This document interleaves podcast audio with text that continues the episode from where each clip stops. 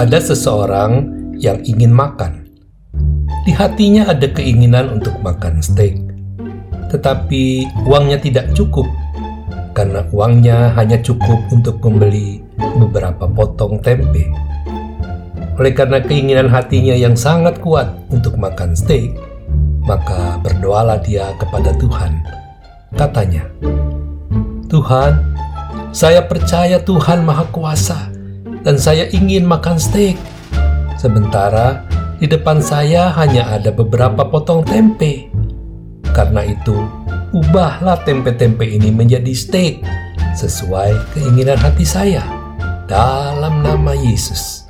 Amin. Ia membuka matanya dan melihat tempe tetap tempe dan belum berubah menjadi daging steak.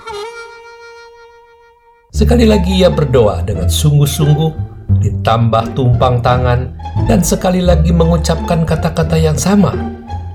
Setelah membuka matanya, ternyata tempe tetap tidak berubah. Karena penasaran, kembali dia mengulang lagi doanya untuk ketiga kalinya. Ditambah klaim kepada Tuhan, katanya, "Jika Tuhan sanggup mencelikan mata yang buta, membuat orang lumpuh berjalan, bahkan orang mati dibangkitkan, pastilah Tuhan sanggup merubah tempe menjadi daging steak. Maka dengan suara keras dia berkata, dalam nama Tuhan Yesus, terjadilah. Ia membuka matanya, namun lagi-lagi dia melihat tempenya tetap tidak berubah. Maka berpikirlah dia dalam hatinya, jika Tuhan tidak merubah tempe yang ada di depannya menjadi steak, maka dia berpikir, ah saya mau coba balik doanya. Maka berdoalah dia kembali.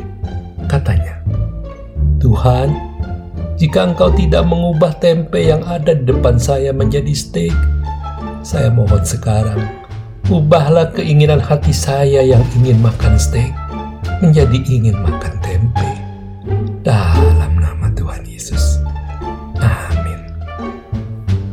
Selesai dia berdoa, maka dimakanlah tempe itu dengan nikmat karena keinginan hatinya untuk makan steak sudah hilang. Tempe tetap tempe yang sama, namun karena hatinya telah berubah, sehingga ia bisa melihat apa pun yang Tuhan berikan, itu yang terbaik baginya. Saudara, apa yang bisa kita pelajari dari ilustrasi di atas? Kita harus percaya bahwa jawaban Tuhan adalah yang terbaik bagi kita. Baik itu ya ataupun tidak. Sebab ketika Tuhan berkata tidak, di balik itu tentu ada maksud yang baik bagi kita. Karenanya, jangan memaksakan kehendak kita. Sebaliknya, kita yang harus menyesuaikan hidup kita pada kehendak Tuhan. Kasih Tuhan tidak selalu dinyatakan pada jawaban ya atas apa yang kita inginkan, tetapi jawaban tidak sebenarnya juga bagian dari kasih Tuhan kepada kita.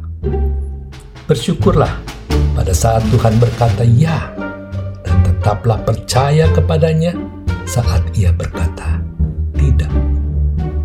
Mazmur 37 ayat 5 berkata, Serahkanlah hidupmu kepada Tuhan, dan percayalah kepadanya, dan ia akan